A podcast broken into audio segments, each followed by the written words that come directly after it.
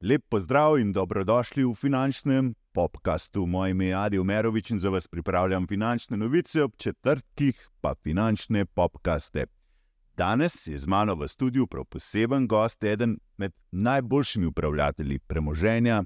Med uh, par mesecev nazaj si postal tudi izvršni direktor modre zavarovalnice Primož Cencel. Lep pozdrav. Pozdravljen. Upam, da se dobro počutiš. Odlično. In hvala lepa, ker si se odzval v Bilu. Um, pravzaprav sem te hotel povabiti uh, k meni, že ko si bil uh, na, pri General Investment, zdaj si direktor pri Modri. Um, zelo, zelo prijetno te poslušati, ko razlagaš o investiranju. In uh, to je tudi namen današnjega podcasta, da se pogovarjava malo o filozofiji, pa seveda tudi malo o globalni ekonomiji, o aktualnih dogodkih, o pristopu nekega vlagatelja, pa morda uvodoma. Uh, če primoš, mogoče samo malo poveš, kje se tvoja ljubezen do financ um, porodila, kako, kdaj, kako si potem karjerno se zapletel s financami. Hvala za vabilo. Um, sem se res veselil tega pogovora. Um, bom rekel, finance so že dolgo časa v moji krvi. No. Težko je opredeliti uh, čas pa prostor. Uh, ko sem se sam zaljubil v, v to zgodbo, um, ker to že zelo zgodi v otroštvu. V otroštvu? Zelo zgodi v otroštvu. Si, si že vrednostne papirje razumel, koncept in to? Ali? Niti ne, sem me pa fasciniral. Ne. Meni je v bistvu razpad bivše države. V bistvu ni bil zanimiv samo v tem kontekstu, da se je takrat ena država nova rodila, ne? ampak je bilo predvsem zanimivo opazovati, kaj se je dogajalo ob tem razpadu države, pa po tej informaciji nove. To pomeni, da ena valuta je zaradi takih in drugačnih ekonomskih odločitev izgubljala vrednost, um, da so ljudje dirjali um, nakupiti trde valute, um, kot dolarje, marke. Uh. Zdaj se mi zdi hecno, tudi italijanske lire, ampak uh, samo zato, da bi ohranili kupno moč, um, potem eni veliki konglomerati so se raztapljali, um, bankroti so bili prisotni na vsakem koraku, um, in potem nek nov sistem. Najprej nova valuta, nov denar, najprej mm. tako zabaven denar, pa malo lepši denar, potem najbolj želen denar, um, mm. ki ga imamo sedaj. Um, v mestnem času pa ta privatizacija, kar naenkrat iz sistema nekega kolektivističnega menedžeriranja v um, rekel, drugačne oblike lasništva. In vsa ta zgodba je meni vedno ful fascinantna. Uh, in to me je inspiriralo, in vedno, kot bom rekel, doveden posameznik, so me te stvari mogoče zanimale še malo bolj. Mi pa smo še certifikate dobili, ne? in ja. ko je to prišlo do nas, je res postal zanimiv tak, gameplay. Ena tako zabavna prigoda, um, ko je moja ena babica sprašvala, kaj mora narediti s temi certifikati. Yeah. Pa lahko vemo, da sem bil takrat 7-8 let star fant. In rekel, s tem vprašanjem ne, sem se resno ukvarjal. Poskušal dati s temi mladimi otroškimi možgali nek odgovor. Ne, in, zdaj, ni bil pa čist napačen. Ampak to ti nekaj ustaja, meni to ostalo v krvi, in potem, ker sem že zelo zgodaj vedel, kaj bi rad študiral. Mm -hmm. In potem je bila bi ta moja trajektorija izobraževalna, zelo, uh, bomo rekli, samo po sebi umevna danes, po, po tolikih letih, ne, um, predvidevam, gledaš um, malo drugače kot mogoče na začetku, oziroma te poti. Ne. Da, gledam drugače. Vem, da še manj vem, kot sem vedel takrat. uh, po drugi strani pa vem, da je včasih kakšne stvari treba gledati bistveno bolj enostavno, kar jih mogoče slišimo od znanosti ali pa od takih in drugačnih analitikov ali pa mislecev. Mm -hmm. Da včasih uh, se treba zanašati na najbolj tisto otroško, kmečko pamet in uh, tako človek uh, ponovadi naredi najboljše odločitve. Primož, da vam mogoče po tej preprosti kmečki neki logiki razložiti, kje smo zdaj s svetovno ekonomijo. Ne? Videli smo nekje od novembra dalje, so recimo ameriški uh, delniški trg je res ogromno zrasel. Uh, videli smo recimo celo earnings, mete prejšnji teden, ko v enem dnevu podjetje dobi 200 milijard. Uh, Svežega, mislim, zraste za 200 milijard, Mark Zuckerberg, recimo, ker je 13-stotni lastnik Mete, mislim, da je v enem dnevu zaslužil 28 milijard dolarjev. Ne. Kakšne nepredstavljive številke se to, tega predvidevam, v neki preteklosti ni bilo, saj ne tako izrazito, ne, da so bile take. Vedno so bili premiki, ampak v teh številkah, ki se danes pogovarjamo, definitivno ne. Mogoče, če bi to nekako prevedli v kupno moč, mogoče kakšne primerljive zgodbe bi se dale najti. Moramo pa vedeti, da so se določene stvari spremenile, določene stvari se pa niso spremenile. Ena stvar, ki se je bistveno spremenila, je ta, da je, um, bom rekel, ta trd denar, ki sem prej govoril iz svojega otroštva, ki so bile marke, uh, dolari, um, napram dinarju v tistem času, ne, da ta denar ni več tako trdno. Pomeni, da v bistvu uh, vrednost posameznega dolarja pa posameznega evra ni več mogoče tako stabilna v kupni moči, kot je bila. Mm -hmm. um, po vseh teh finančnih krizah, po kumehurčka, um, dotkom, začetku um, tisočletja bančnih kriz, eh, državnih kriz, pa to stimulacij, ki so prišle z centralne banke, odkupovanje državnih papirjev na trgu, zadolženosti pa države, ne, je mogoče ta denar malo manj stabilen, kot je bil v preteklosti. Nič nenavadnega, to se v zgodovini že večkrat dogaja, to je treba tudi vzeti v ozir in da v bistvu finančni trg nekako išče um, neka nova ravnovesja, uh, kakšne so vrednosti in kakšne bodo vrednosti uh, v prihodnosti. To je ena te stvari. Uh, druga stvar je pa to, da živimo v ekonomiji, ki je nekako, bi rekel, da je značilna pod nekim akronimom, da se bojimo, da bi zamudili. Kar Mm. pomeni, da um, hočemo vse hipno. Zdaj, nivo tehnologije, ki je šlo, ki je investiranje v analiziranje, pa trgovanje v finančni panogi, ne, je neskončno velik. Investicije bilo v nekaj namenjenim tem, da smo hitrejši, boljši, da bo znalo analizirati. Ne. Mhm. In potem se zdi, da včasih algoritmi, uh, ki, kjer namen je to, da se pač uh, učinkovitost trga izboljša, um, divje odreagirajo. Um, bomo rekli, in v tem uh, ekonomiji, da pač se bomo rekli, bojimo, da bi zamudili, um, ker so te, mi, bistvu ta volatilnost je tako visoka, samo zaradi tega, ker mislimo, da vse vemo že takoj. In recimo, ki je prišlo pri uh, Meti uh, do rekli, tega, da se bo, da bojo prvič v zgodovini začeli izplačevati dividendo, um, da je bila dobičkonosnost veliko boljša, kot je mogoče trg pričakoval. Um, bomo rekli, so računalniški modeli čez noč, mislim, vse stotinki sekunde to vse sprocesirali in si um, napisali bistveno bolj rožnato sliko, kot mogoče bi človeški možgani lahko to sprocesirali. In um, ker so rekli, trgovali algoritmi hipni, potem se čez samo sekundi, ko se poveča povpraševanje, pa ponudbe ni, uh, cena prilagodila neko novo raven. Ne. Zdaj, um, rekel, če smo šli hitro gor, Mhm. ne bo nič drugače, um, bom rekel, pa kakšnih drugih podjetij, če se mogoče ta pričakovanja niso um, izkoristili, iz, mislim, se niso razvila in uh, se bo pa cena prilagodila navzdol.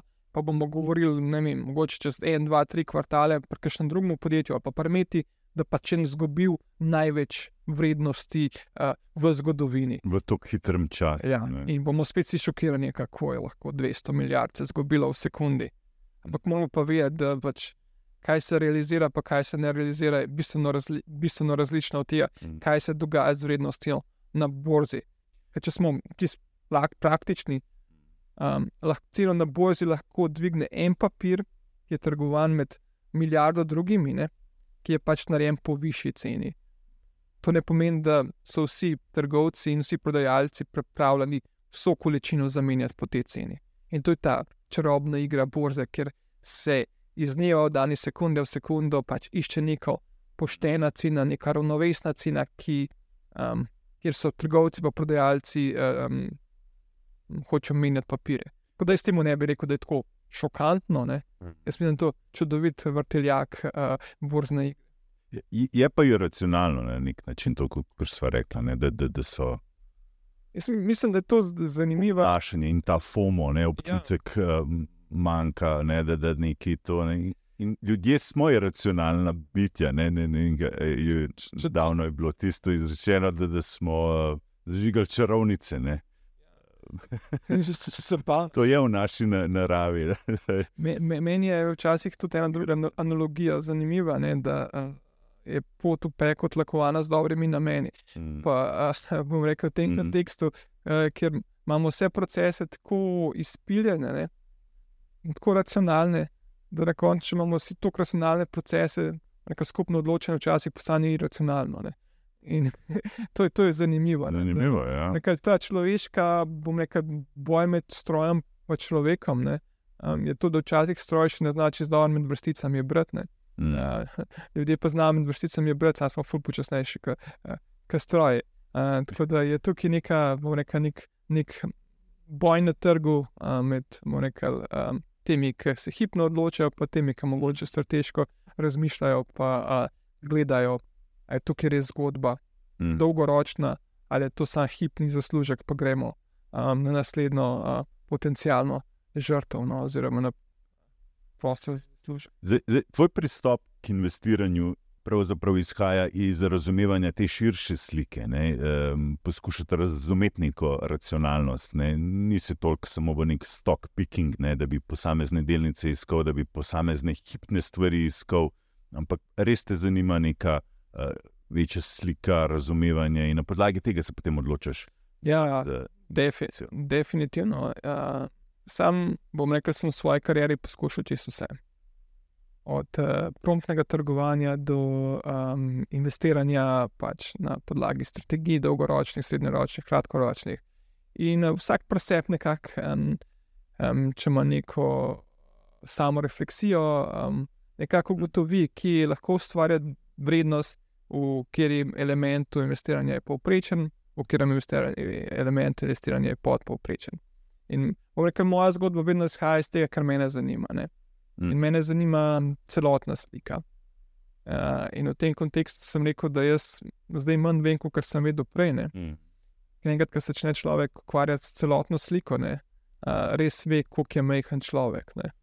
In kako velik je širok in širok svet, in kako veliko brihnih ljudi se ukvarja s tem, kaj se v svetu dogaja. Ne. In uh, rekel, je zelo, zelo, zelo težko priti do tega, da si lahko rečeš, jaz pa res vem, kaj, kam se svet vrti, pa kako se bo svet vrtel. Ampak ne glede na to, uh, to je moj izziv in uh, si sam nekako želim predstavljati, se želim priti do neke ideje, kam se svet vrti, in na podlagi tega potem poiščem naložbe, ki lahko na eni strani so najboljše v tem, če se svet zavrti v tisto smer, kar jaz mislim. Na drugi strani pa, um, kot recimo, temu institucionalni vlagatelj, pa kot bomo rekli, um, profesionalni vlagatelj. Oziroma, um, me zanima tudi um, druga stran. Kaj, če jaz mislim, da bomo hodili po desni, ne? na koncu hodva po levi, um, hočemo v portfelju poiskati, za portfelj poiskati tudi stvari, če se zmotam, um, da bo portfelj tudi lahko delal pozitivno. Mm -hmm. Kar mhm. pomeni, da najbolj nekulirane uh, naložbe, glede na moj osnovni scenarij, da so v portfelju, in da se odpovem kakšnemu ekstra donosu, samo zaradi tega, da se odpovem tudi kakšni ekstra izgubi. To je pa tisti profesionalni način investiranja, kjer ne stavaš, bomo rekli, ne daš vsa jajca v eno košaro, ampak da iščeš, bomo rekli, kar se da raz, raznolike uh, naložbe v svojem portfelju z namenom uh, minimiziranja izgube, pa maksimiziranja donosa tako v tej diverzifikaciji se, se vedno izpostavlja. Ampak koliko je pa pomemben, recimo, čisti management svojega denarja, ne, da, da imaš v bistvu, da ne zgubljaš denar. Ne, ker to, to doskrat slišim, da je to pravzaprav morda še bolj ključno, kot samo zbiranje eh, oziroma investiranje, da imaš kontrolo nad denarjem, ne, da, da ga ne izgubljaš. Definitivno, veš, tukaj probo izstopiti iz koncepta denarja, v, v, pa bi vstopil v koncept vrednosti. Okay. To se mi zdi, um, bom rekel, nadpomenka denarju. Ne? Denar je samo ena oblika vrednosti, ki jo jaz gledam. Ne? Zdaj, tukaj se najbolj pogovarjamo o osebnem investiranju, oziroma osebnem obladovanju. Tako, vsak zase, recimo ti poslušalci, ki jih to zanima. In, in, uh... Zdaj, za me je vrednost največja, kar ima človek, je njegov človeški kapital. To je čas, ki ga ima. In uh, ta čas, ki ga imamo, je neprecenljiv, pa minljiv. Mm. Uh, in reka, če znamo mi razumeti ne, človeški kapital, našo vrednost, od vrednost um, in da je denar samo, rekel, kako lahko pretakamo našo vrednost v neko drugo merljivo obliko. Ne? In če znamo najprej sami sebe zmenedžerirati, uh, pa svoj čas um, namenjati tja, kar nam ustvarja še dodatno vrednost, potem bomo znali tudi, um, oh, bomo rekli, ta, ki po denarja uh, večati, če nam seveda to daje neko dodano vrednost v življenju. Uh, in v tem kontekstu jaz bi začel pri tem, ne? kaj delam cel dan. Uh, potem pa, če, nam, če menimo, da imamo potrebo po tem, da si ustvarjamo premoženje, in bom rekel, več, velika večina ljudi rekel, razmišlja tudi o tem, kaj bomo jutri počeli, pa kaj bomo pojutrišnjem počeli, pa kaj bomo, uh, bomo rekli. Ko bomo imeli naši otroci, kakšne velike dogodke, kot so poroke, ne vem, kako so študiji, um, zna, kaj bo z našo pokojnino, ne? pač nas zanima. Ne? pomeni, da rabimo nek medij, ki bomo vrednost od danes prenesli v prihodnost. In tukaj se bo pojavil denar kot rekel, osnovna oblika, potem imamo pa še ostale oblike, kot so zakladne menice, državne obveznice, delnice in potem še mogoče kakšna druga um, bolj tvegana oblika naložb, ki so mediji, kako predstav, predstavljamo ta človeški kapital, ki ga imamo, imamo v prihodnost. Mm -hmm. In preden se pogovarjamo, v kam najprej samo refleksija pri sebi. In bomo rekli, če hočemo imeti postati milijonari do 60 let, ki gremo v, v penzijo, pač vemo, um, kje smo danes. Lahko si zelo hitro začnemo, koliko denarja moramo prešparati, oziroma dati na stran svojega človeškega kapitala v letu. Zdaj, če vidimo, da premalo zaslužimo, um, vemo, kaj moramo narediti, da svoj, bomo rekel, učinkovitost svojega človeškega kapitala povečamo, um, ali pa kakšne so lahko naši življenjski stroški, da lahko to dosežemo. Da, zelo pomembna je samo refleksija, da prijemo do nekih ciljnih zneskov, mm -hmm. potem pa pot, do katerega gre, lahko se pa lahko igramo na finančnih trgih. Uh. Vrnim vas nazaj na finančne trge. Uh, je pa zelo zanimivo, kako je pomembna filozofija in psihologija pri, pri uh, dojemanju in pristopu investiranju. Uh, to sem hotel reči, ne? širšo sliko gledava svetovne globalne ekonomije. Včasih, ko je recimo SP tudi tako rastel, je tudi Kitajska rasla. Ne? V bistvu sta bila zelo povezana ta dva indeksa. Ne? Eh, zdaj vidimo, da se dela ta tako imenovana krokodilja čeljust, ne? se pravi, medtem ko Kitajci dol padajo, eh, Američani rastejo. Um, to je, se nakazuje, da je nekako vsak bolj zase. Vem, tudi vidimo, da želijo recimo neko industrijo po prevodnikov preseliti nazaj, američani, jo uh, postaviti znotraj države. Uh, skratka, mislim, da je tudi Larry Fink ob invaziji uh, Rusije in Ukrajino izpostavil, da je to od danes naprej konec globalizacije. Ne? Ja, definitivno je svet spremenjajoč. Če gledam samo svoje življenjsko obdobje, um, smo se rodili v železno zaveso, ki je bila meja med. V eh, bipolarnem svetu, med takrat Ameriko in Rusijo, zelo jasno zarisana. Mm -hmm. uh, in um, tak, ja, praktično takrat pretoka kapitala med eno stranjo in drugo stranjo ni bilo. Um, zdaj um, v Ameriki je bil ta borzni vrteljak del dnevnega uh, dogajanja. Na drugi strani v Sovjetski zvezi tega ni bilo. Mm. In um, rekli, kako izmeriti, um, kako ujeti vrednost v Sovjetski zvezi, je bilo bistveno teže, kot pa mogoče v, v Ameriki. In to je bilo v našem življenjskem obdobju, v mojem življenjskem obdobju se je pa to zgodilo. potem je ta um, zid padel, zelo de facto, in takrat se je začela pač ta finančna globalizacija. Mm. Mi imamo vse vedeti, da pač med različnimi svetovi je vedno bila trgovina. Ne? Da, mislim, nek, nek, nek nivo globalizacije, povezanosti je bil, čeprav se mm. mogoče ni govorilo o tem, ampak vedno blagovna menjava poteka med različnimi deli sveta. Tako včasih. Svileno cesto, Silk Road in tako to je že od. Oh. Ja. Ampak zdaj, a, a je denar prosto a, pretočen med, eni, med eno in drugo državo, a, pač, ja, je lahko problem. Ne? In pač. Mi smo šli iz tega bipolarnega sveta, smo šli v unipolarni svet, kjer smo imeli varuha sveta, kjer je pač ta rekel, mm. tržni kapitalizem, borza pač pošla na vse, ne bom rekel, velika mesta po svetu, mm. in kjer pač so investitorji iskali svojo srečo po zaslužku. Um, in rekel, to vse je prišlo zdaj pod vprašaj, um, ali rekel, bo naslednjih 30 let tudi na tej osnovi ali pa imamo mogoče kakšne druge deli sveta, kakšne drugačne poglede. No. Uh, bomo rekli, bi si želeli borzno igro po svoje regulirati, organizirati, ali pa jo sploh imeti. In v tem kontekstu je denar plaha ptica, kot je naš bivši guverner uh, rekel. Um, dejansko, če ne veš, ali boš lahko, uh, bomo rekli, prišel do vrednosti iz lastništva, um, potem mogoče nimaš take takega veselja uh, po imetju uh, teh delnic. In tako sem praktičen, recimo Rusija je bila najbolj tak primer, kjer so ruske delnice zelo dolg časa, bomo rekli, bile vrednotene bistveno pod vrednotenji primerljivih podjetij na Zahodu. -hmm. um, in se jim marsikateri investitor, se mu je prav smešen zdel, uh, kako recimo lahko nek uh, naftni velikan tok pocen.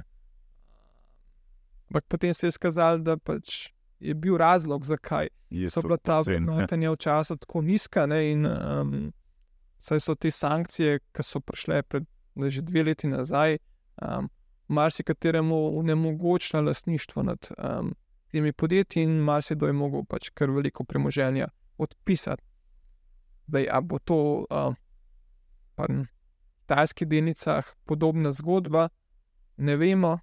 Vemo, da so kitajska podjetja, rekel, kar se tiče poslovanja, zelo, zelo v redu.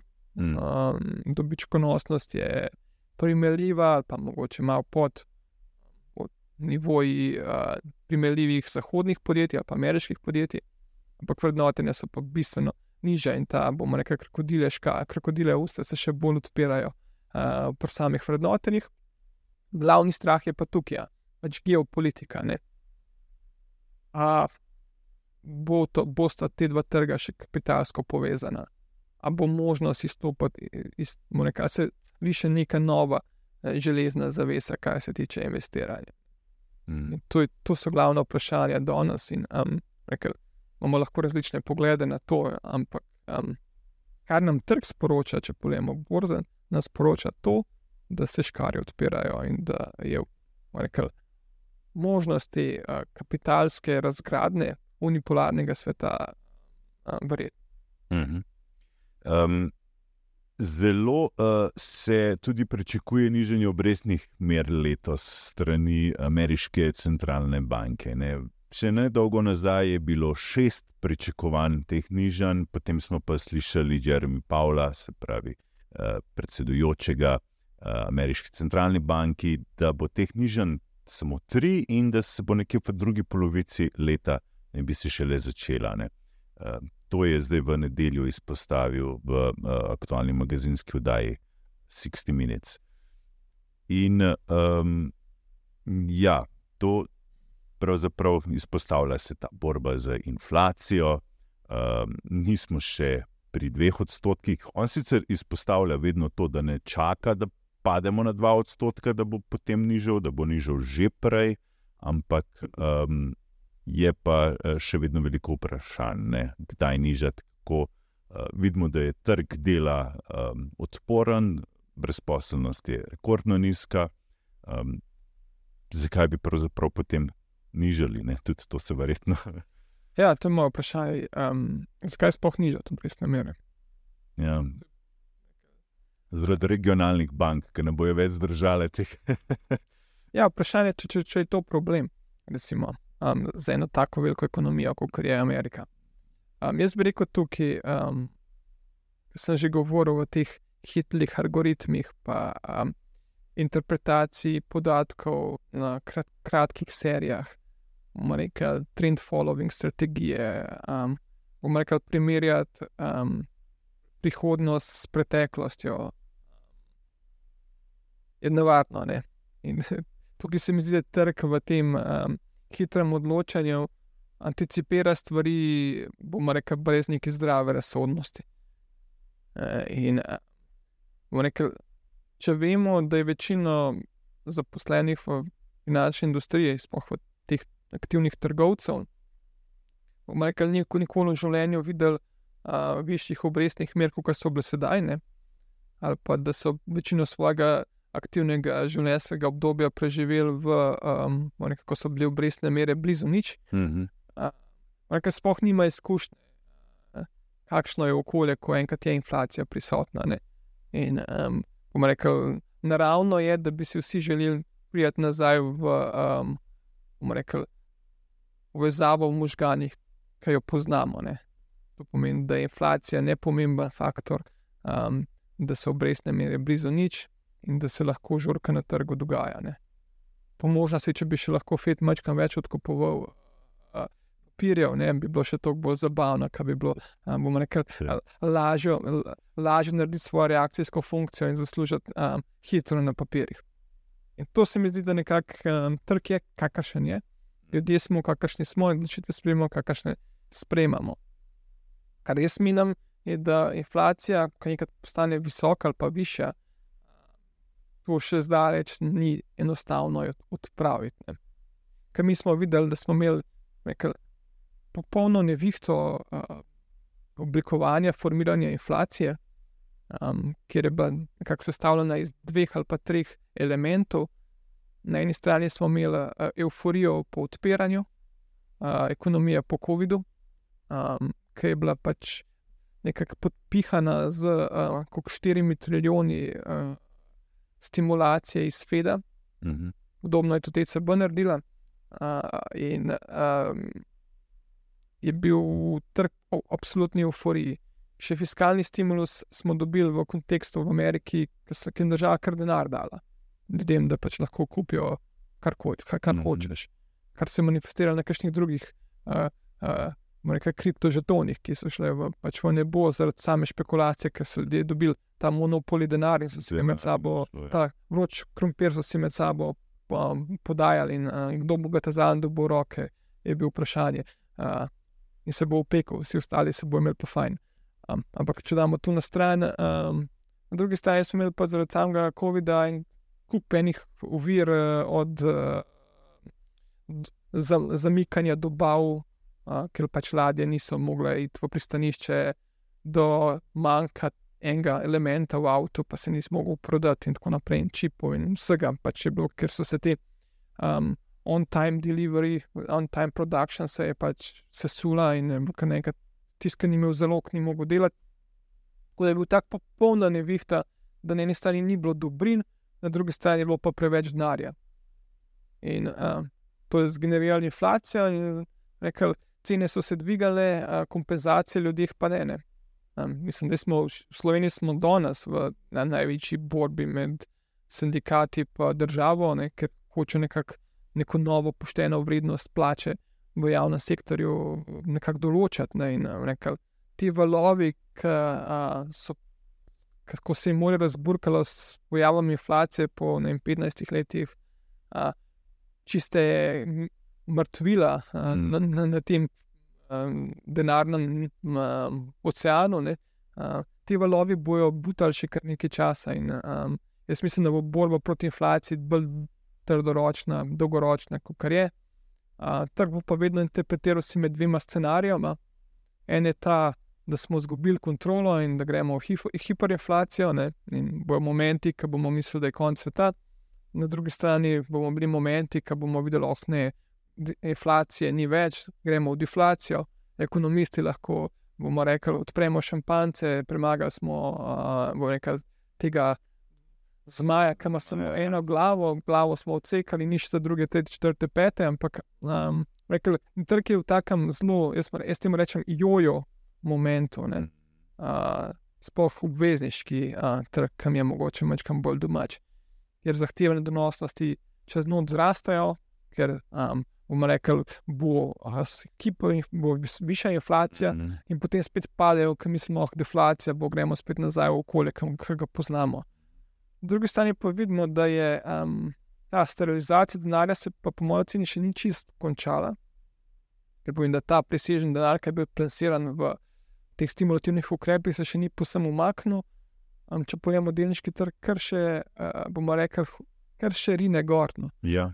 Kar pomeni, da vrednosti je verjetno še zelo veliko v mm. okolju in neke te poštene vrednosti za, za enoto še nismo najdeli, in da je kar je še povpraševanje. No, je, je pa drugače kot recimo dotcom bubble, ne? kako se izpostavlja, uh, se pravi, ob začetku tega stoletja. Um, prav tako, ko je prišlo do interneta, vsi so bili nahajpani na internet, kot je zdaj na umetno inteligenco, in takrat se je zgodil ta spike, pa potem počil balon. Ne? Uh, tokrat je malo drugače, predvsem ker ta podjetja zdaj, čeprav so res ogromna, uh, ustvarjajo nek zdrav denarni tok, za razliko od takrat. Ne. Ja, jaz mislim, da um, bi lahko trg razdelili v tri segmente.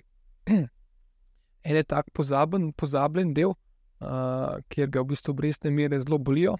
Um, Ker temu rečemo, teh srednja pa majhna podjetja, uh, kjer pač nimajo tako dober dostop do kapitalskih trgov, delajo klasični, v klasičnih industrijah, ki so pod pritiskom, in to je ta pozabljen del ekonomije, oziroma pozabljen del finančne ekonomije ali pa pozabljene delnice. Potem imamo um, segment super bogatih sedem ali pa osem ali šest, ker vsak ima svojo interpretacijo, ne, ker uh, bomo rekli, so to um, korporacije, ki bruhajo denar. Nekaj profitne marže, nekaj, če vemo, 90%. Ne. Bruto, mislim, neto profit, ne vem, 30-40%, dobičkonosnost, ne, res neskončno. Ne. Kaj je kar brutalno. Ne. Nekaj, če gremo spet večkrat gledati dolgoročni kontekst tega, meni to spominja bolj na um, čas Rockefellerja, pa Standard Oila v Ameriki, kjer je imel monopol nad oljem. -hmm. Se zdi, da imajo te superkorporacije monopol nad novim oljem, ne kamo rečemo podatki. Uh, in da um, bomo rekli, da so te profitne marže na, na tako veliki, um, uh, na tako velikem bazenu, ne, pričajo potem, da na eni točki v času um, se bojo ljudje mogoče začeti sprašovati. Si mogoče prevelik kolač odrežejo uh, od vrednosti. In uh, bomo rekli, um, ne vem kdaj in ne vem kako, ampak um, rekel, sam se mi zdi, da finančni trg je vedno tak, da te ekstra donosi dolgoročno niso vzdržni. Mm. Ampak trg pa nekako trenutno, rekel, vsi mislimo, da so. Zdaj, ne, zdaj... Če pa še omenim zadnjem. Ja. Da je tretji segment, ki pa mogoče malo nekako gre v analogijo dotkom Babla. Je pa to vse, kar se dogaja teh okol kriptoimeti, takih in drugačnih. Pa na drugi strani je vse, kar se dogaja teh, na teh um, modernih tehnologijah, novih tehnologijah, pa je lahko umetna inteligenca ena izmed njih. Um, na podjetjih, ki še nimajo nekega vzdržnega poslovnega modela, kjer so cash flow, oziroma denarni tokovi ali pa ne dobički v prihodnosti, so še povsem nejasni, ampak imajo zelo dobro um, delniško zgodbo, uh, ki investitorji kupujejo in v bistvu špekulirajo z nakupom teh delnic, da enkrat v prihodnosti bodo imeli pozitiven denarni tok. Hmm. Nekaj, kar smo se za Tesla dolg časa uh, sprašvali, ali bo ta podjetje sploh kadarkoli nosil kakšne dobičke. Ali pa če gremo še enega teh velikih, ne Amazon, ne, ki je praktično. Zgubo delo 20 let, 25 let, uh, ampak vrednost je imel pa nevrjetno. Ne? Uh, ampak, nekaj, če gledamo vse te delnice, uh, bomo rekli, da je ena tistih zmagovalcev, ki dejansko so začeli kreirati pozitivni denarni tok in v bistvu tudi so zelo, zelo dobičkonosni. Mm. Nekako upravičuje vso to vero iz preteklosti. Ja. Res, res pa je, da je na tisoče podjetij ali pa sto tisoče podjetij pač ni imelo te sreče. Ne? Ja. Tudi recimo Nvidia, ne, kako so si že rekli, pa se ne more več rasti. Ker vidimo znova in znova, vsak earnings, ki pride, ne, se pravi poročilo poslovanja, vidimo, da presežejo, da, so, uh, da res ustvarjajo uh, izjemne, izjemno zgodbo. Ne, da, da, Zdaj vprašanje pri Nvidia je ta, ne, um, mi ne vemo točno, kakšna bo tista končna količina čipov, ki jih bomo rabili. In vprašanje je, ali bo naše povpraševanje po čipih raslo eksponentno, ne? mhm. ali bomo prišli enkrat do točke, ne? da zdaj ima pa že čisto vsak avto doma, pa mogoče nima smisla, da bi imel še drug, pa tretji, pa četrt avto. Ne? Mhm. In, ker ne vemo, koliko bo umetna inteligenca um, del naše identitete v prihodnosti, ne? koliko bomo rekli, tehnologije bomo rabili. Ne? Je v bistvu tukaj prostor za špekulacije zelo velik. V tem kontekstu je zelo težko napovedati, kaj se bo s to delnico ali pa s tem podjetjem dogajalo.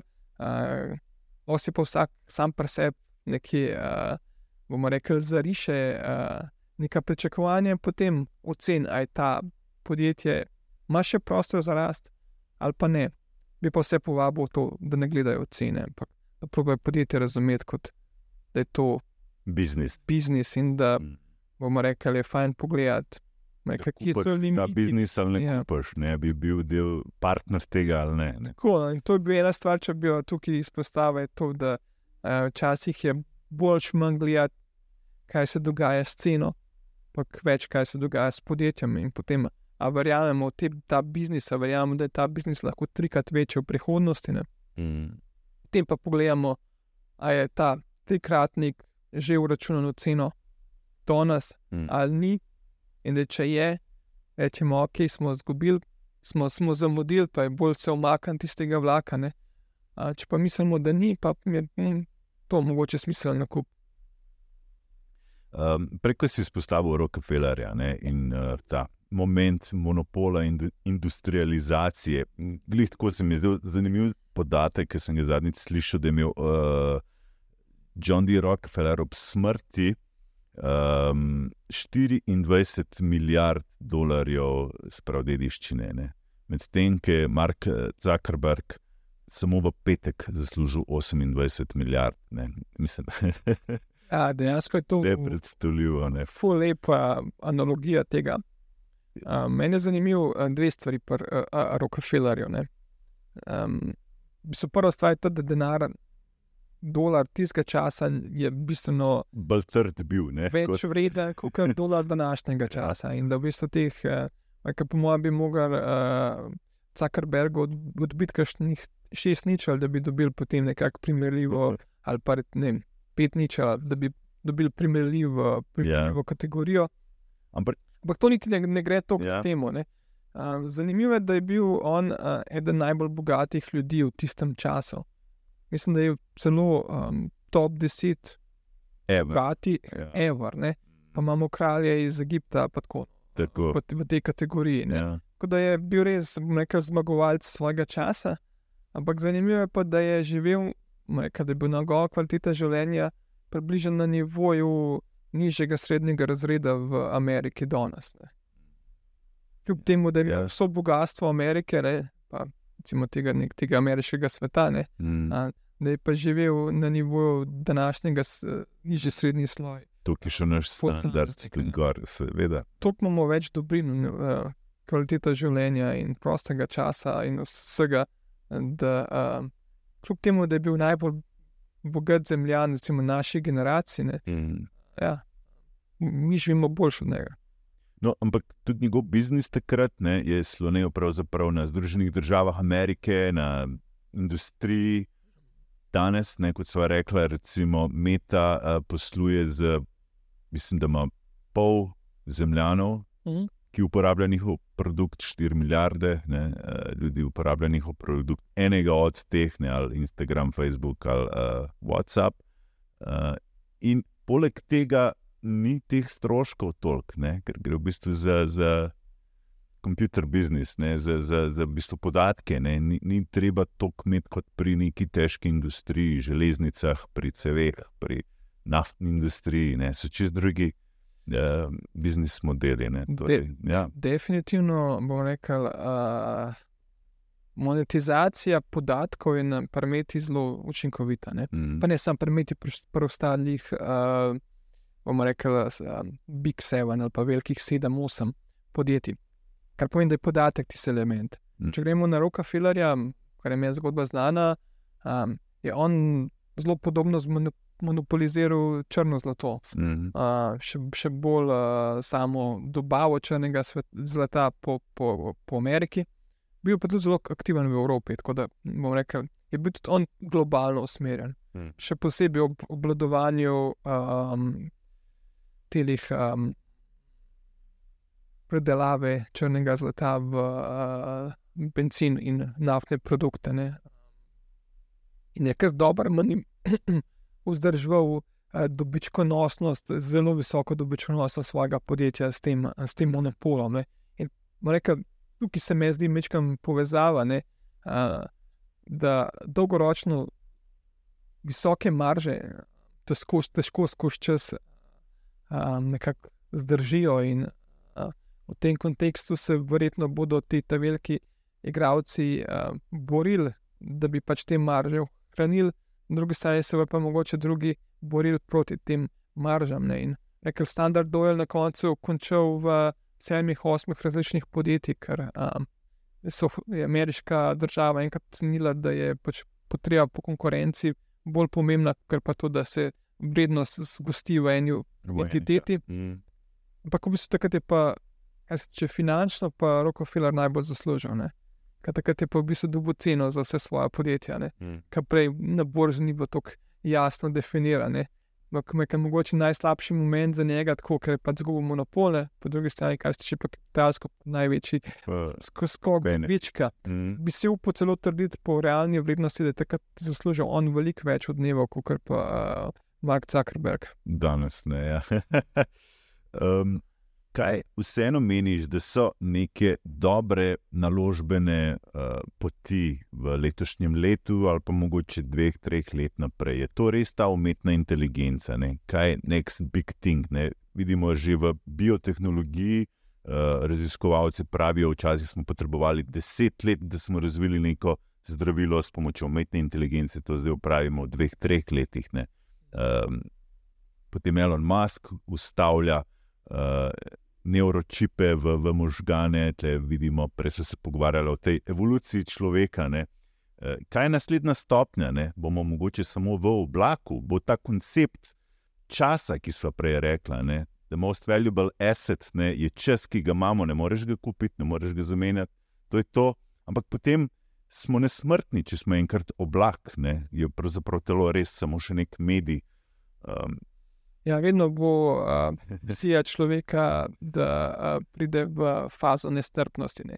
Iskanje svetega grala, Ja. um, drevesa življenja, ali pa je nekaj, kar v bistvu je, uh, podpira, oziroma je navdih umetnikom ne, um, na, praktično v vseh generacijah, v vseh fazah človeštva. Tako da jaz mislim, da ta, rekel, ta želja po um, večnem življenju bo vedno z nami prisotna. Tako da tega ne bom um, negiral.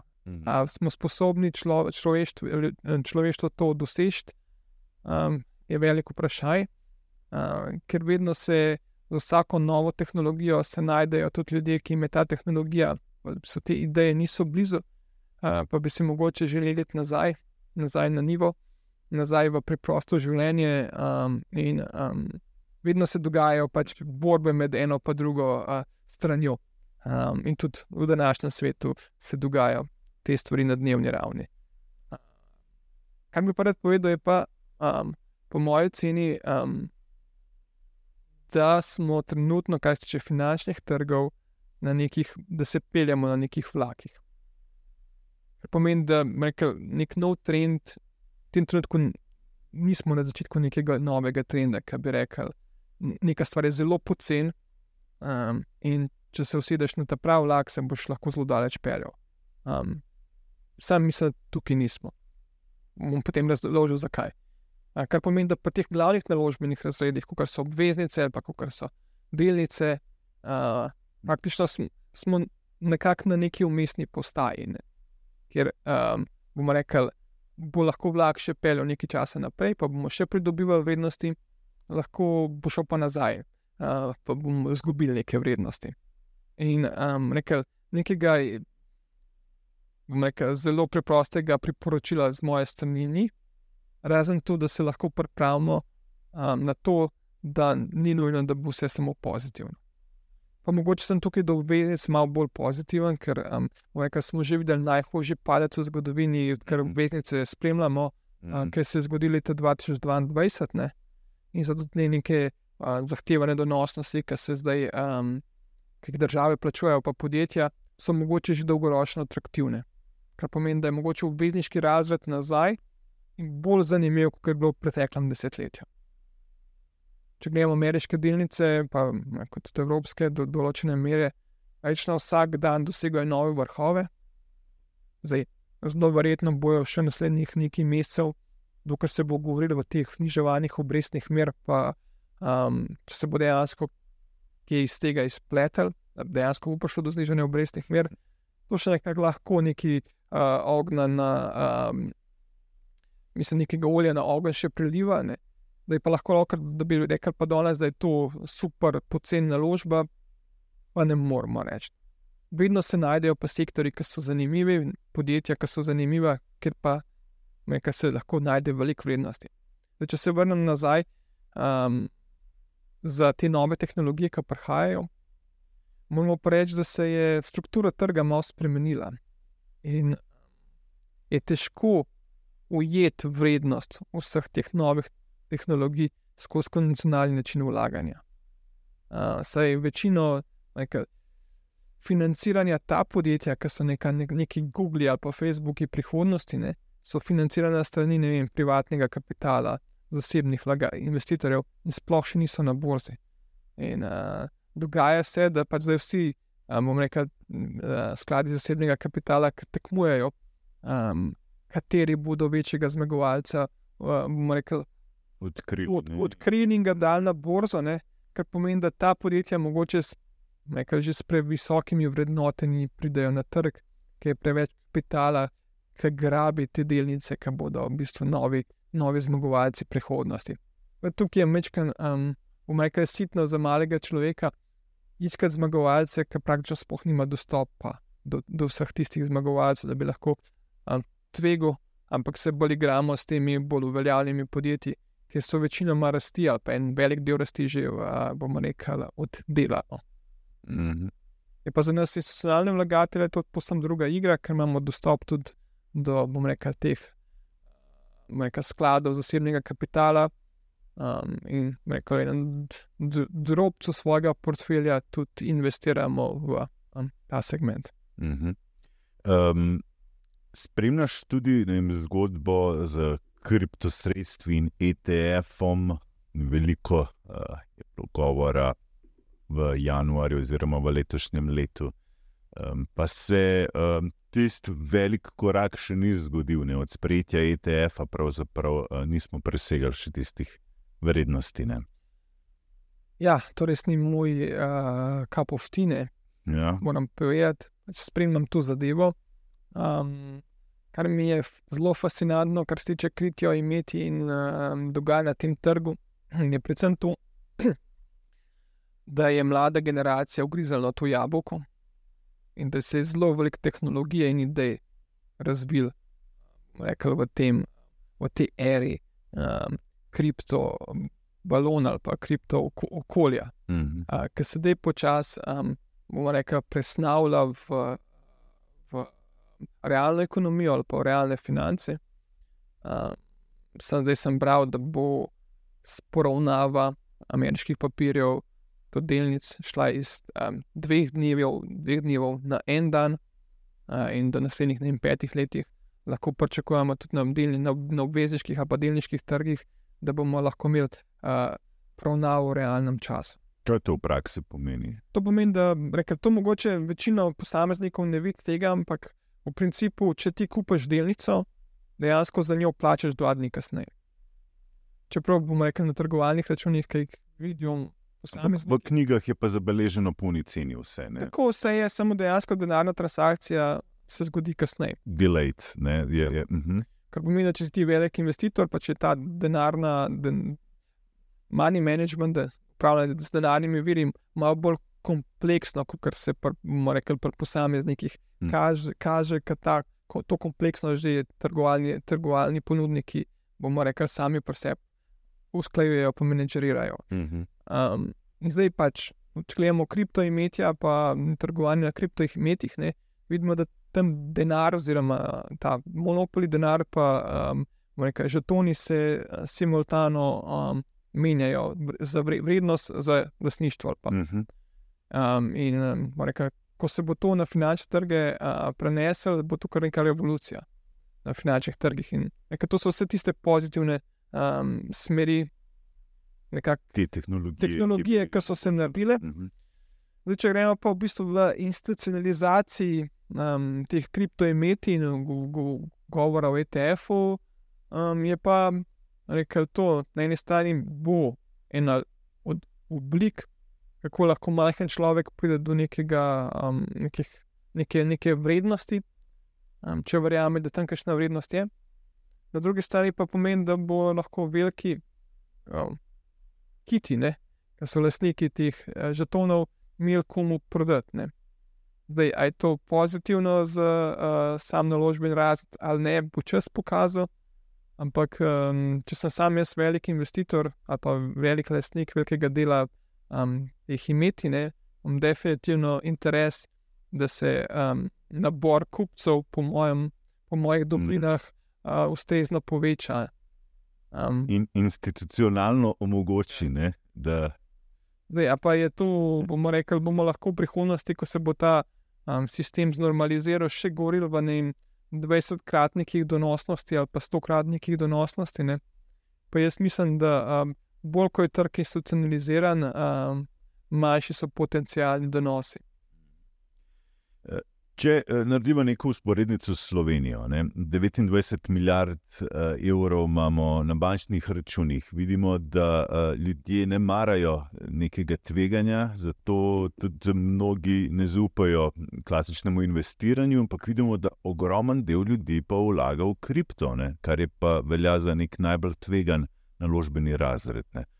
Um, to je totalno nasprotno, diametralno. Ne, in poleg tega smo zdaj dobili veznico uh, ljudsko, ne, z 3,4-stotnim donosom. Um, pa smo videli še zelo vse, da so ljudje prestrašeni, da je to dovolj varna naložba. Ne. Zanimivo. Ne? Ja, zelo zanimivo. Jaz mislim, da to kaže na to, da v zadnjih 30 letih nekaj nismo prav delali. To čist na um, celotnem družbenem področju. Mhm. Michael, um, en je zelo zanimiv projekt, ki smo ga imeli mi v osnovni šoli, ki se je imenoval EcoFryer. okay. A, Kar pomeni, da je bilo ne, in smo imeli iz leta v leto izobraževanje v um, tem, kaj je dobro za naravo in kaj ni, recikliranje, vse te stvari, vse te koncepte smo se zelo dobro spoznali. In je za nas čisto posebno naravno, da ko imamo pet različnih smetnjakov, da jih uporabljamo. Ne. Če gremo v kakšno drugo kulturo, kjer niso aktivno a, vlagali a, v izobraževanje, kaj je smiselno za naravo, pa kaj ne. ne. Um, Ko dobijo pet smetnjakov, ne pač vse vržejo v enega, ker ne razumejo, zakaj je smiselno plastiko ločevati od stekla in papir od obeh drugih, Mm. bioodpadke. Pač, ker niso bili kot otroci vzgojeni v to, um, da nimajo tega koncepta. Ne. Mhm. In če smo mi zelo dobro, uh, bomo rekli, naredili v naši generaciji z samo ločevanjem odpadkov in razumevanjem narave, in bomo rekli, biti nekako odgovoren do narave, Ja. tega istega nismo naredili um, za, za naše premoženje. Ker se kot otroci ne naučimo osnovnih konceptov, ne, potem smo uh, prepuščeni sami sebi. In uh, bomo rekli, vedno gremo tja, kamor veter najbolj piha. Ne. In zdaj, ker so bili donosi taki, to bi, to bi, to, bi true, na preveliki, zato da bi, bi jim lahko verjeli. Seveda ne gremo k eh, zlatemu teletu, ne, kjer je v bistvu največ vrednosti Mhm. in pač zaupamo denar, ki si želimo na hitro obogatiti. Povsem naravna, naravni moment. Zaradi tega smo razvili ljudje industrijo kazinojev, pa igr na srečo, pa Mhm. loterij, um, rekel, da igra Tako. na, na tem um, vzgibu človeštva. Da pa, sem, da pa moramo razlagati, da je državna obveznica najbolj varen inštrument, um, bolj varen kot da, bančni depozit. Ne? Bom rekel, da je pa to naš, na, naš, naš, naš, naša velika strateška napaka, da ob rojstvu države nismo v kurikulum osnovnih šol in srednjih šol, a, bom rekel, tudi a, bom rekel, zdrave javne, Ja. zdrav žep, poleg ekofrarja, a, pač Ja. unesel. Pač, To, to je zelo zanimivo, da, da, da, ampak res to, kar praviš. Ne? Bolj nam je bilo pomembno, kako bomo ločevali odpadke, ne? kakor da bi, da bi razumeli, kaj je delnica, kaj je obveznica, ja. kaj je kripto. Uh, ne, zelo, pa se učijo neki v šoli o tem, da, da ne bo pomote. Ne? Pridejo do nekih teh znanja, ampak ni bilo nikoli tako pomembno kot zdaj te bomo pa kaznovali, če boš dal papir v steklo. Jaz, jaz, mislim, da bomo rekli, mi se lahko sprenevedamo in si rečemo, da nekaj je v šolah. Ne? Ja. Jaz mislim, da absolutno. Pa saj ni tako pomembno. Ja, jaz Jaz ne, ne štekam. No. Mislim, jaz mislim, da rekel, imamo še cel ocean za preplavati, Ja. da prijemo do neke osnovne finančne pismenosti. Ker je zanimivo, ker nekako imam, mislim pa študiral tudi v uh, Kanadi, Belgiji, Nemčiji, Španiji. Ne? Vem, nisem študiral v Ameriki, ampak v vseh teh jurisdikcijah, ki sem rekel, pač ljudje bistveno bolj razumejo te osnove. Da, nekaj, kot mi znamo steklo vršiti v uh, Mm. eh, zabojnik za steklo, ne znajo oni svoj denar plasirati v obveznice, delnice. Um, Sploh vejo, so ti koncepti. Ne? In je bilo meni zanimivo, da ne vem, ker smo v Kanadi, ker sem v Kanadi študiral pač, uh, finančno ekonomijo, da so me ljudje na ulici sprašvali, kje delnice so zanimive. Ne? Če manj kašel. Pa sem z mano se pogovarjal, sem kupil pa to, pa to, to poznaš, mi lahko kaj poveš. Jaz sem bil študent iz Slovenije, em, ker nimam pojma o kanadskem trgu, ampak ker sem študiral te stvari, ker so bile ljudem tudi pomembne, sem dobil aktivna vprašanja. Ne. Pač, žali Bog v Sloveniji, pa moram odgovarjati na vprašanje. Na, na, na banki dobim depozit 2, državna obveznica, zdaj triletna je 3,4. Aj, Ne, Se splača. Skupili smo že, eh, Pa inflacija je. Ne? skupili smo že v njih podrejenih obveznicah. ne. Ja, ja, pa NKBM delnice. Ne? A bomo tudi tukaj, ne? ker je tako, da bi Ja. rekel, um, da bi me nekdo vprašal, ali res lahko pijem iz steklenega kozarca, ali mu dno res ne bo odpadlo. Um, a to res ni nobenega strupa v tem steklu, a kozarc sploh obstaja, um, a je voda sploh resnična. Ja. No? V toliko elementarnih stvarih se pogovarjamo. In tukaj jaz dejansko mislim, da če imamo kje prostor za izboljšavo, ne, je uh, v sami finančni pismenosti. Nujno. Ja. In um, bi bilo fajn, uh, da bi se to začelo že zelo zgodaj v, otroškem um, življenju. In um, svoje sem, je zelo fajn, adi tudi te tvoje podcasti. Ne, No, hvala. prihajaš uh, s temi temami, bomo rekli, tudi tam, kjer mlajši ljudje ali pa ljudje so ne. Uh, in uh, imajo možnost, saj malo, um, bomo rekli, svoje možgane na neke druge uh, poti med nevroni nastaviti. No. In mogoče bomo kolektivno prišli do odločitve, da bi bilo fajn. Absolutno. Mislim, da je tudi zanimanje zelo veliko. Ne? Vidim, da ljudje bi si želeli tudi imeti pogovore. Mo- Morda je težko začeti nekje, ne? pa potem poslušajo, so radovedni, včasih se ustrašijo, ker je tako veliko teh informacij. Ne? Um, je pa žal, da, da če ti tudi mogoče starš tega ne da, ali pa nek bližnji prijatelj, ne? pa tako je težko sam dobiti neko znanje. Ne? Prav danes imamo možnost, ne vem, na Twitterju spremljati svetovno znane analitike, novinarje, um, karkoli, v bistvu dobivati neke informacije. In v bistvu je danes bolj pomembno izluščiti dobre informacije od morja nekih informacij, um, ki so pa tudi, da hitro lahko zavedajo nekatere. Ne? To, to je tudi tam. Definitivno, ampak um, bomo rekli, lahko imamo dober avto doma. Mm. lahko smo zelo dobri geografi, da lahko svojo pot splaniramo. Ne? Samo, če nas noben ni naučil voziti avta, Ja. uh, bomo rekli, bomo kljub našemu super avtu, to. super znanju, Mm. se bomo bali voziti avto. Ja.